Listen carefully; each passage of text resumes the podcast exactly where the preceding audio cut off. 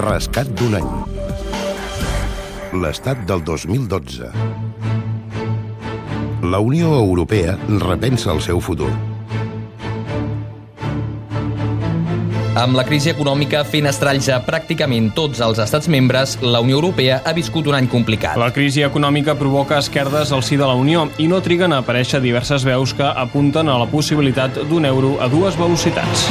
Els estats amb problemes financers, entre els quals Espanya, intenten que augmenti la integració. Altres, com Alemanya, se'n volen desmarcar perquè no es volen veure perjudicats. Els països del nord contra els països del sud. I el Banc Central Europeu intenta calmar els ànims. Bon dia, són les dues. Optimisme als mercats financers després que Mario Draghi hagi anunciat que el Banc Central Europeu actuarà per preservar l'euro. A finals d'any, però, aquest tema s'ha començat a resoldre. Els caps d'estat i de govern de la Unió Europea aproven la creació del supervisor bancari únic a la cimera que s'ha tornat a fer a Brussel·les. El Banc Central Europeu controlarà unes 200 entitats de la zona euro, les més grans. És el primer pas en una nova fase d'increment de la integració per ajudar a apuntalar la moneda única que estarà operatiu a partir del 2014. Mariano Rajoy sortia satisfet de la reunió. Estoy muy contento porque eh, demuestra que hay una voluntad política de que el euro sea irreversible, que es lo que siempre ha pretendido y querido España, es lo que dice el sentido común.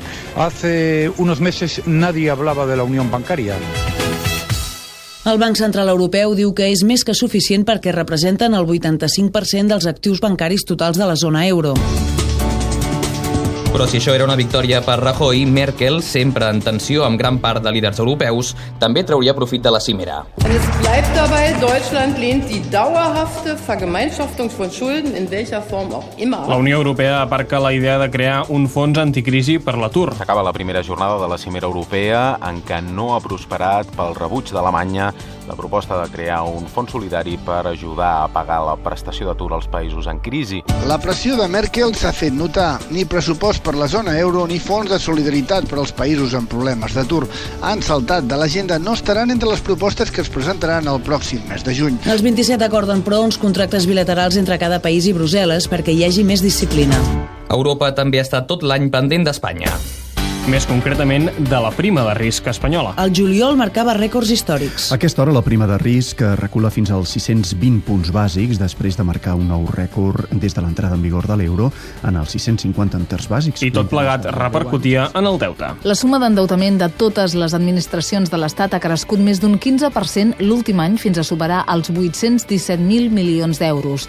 Això equival al 77% del producte interior brut, una xifra a la qual no s'havia arribat mai des que el Banc d'Espanya Espanya fa aquest còmput. Jaume Masdeu, corresponsal de Catalunya Ràdio a Brussel·les. Si hi ha un moment que tinc gravat d'aquest any és el d'un dissabte, el 9 de juny, quan vaig informar que l'economia espanyola passava a la segona divisió, al calaix dels països rescatats.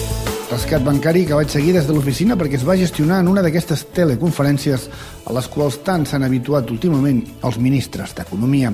Era una de les moltes males notícies que m'ha tocat donar durant aquest 2012 per l'economia espanyola i per l'europea.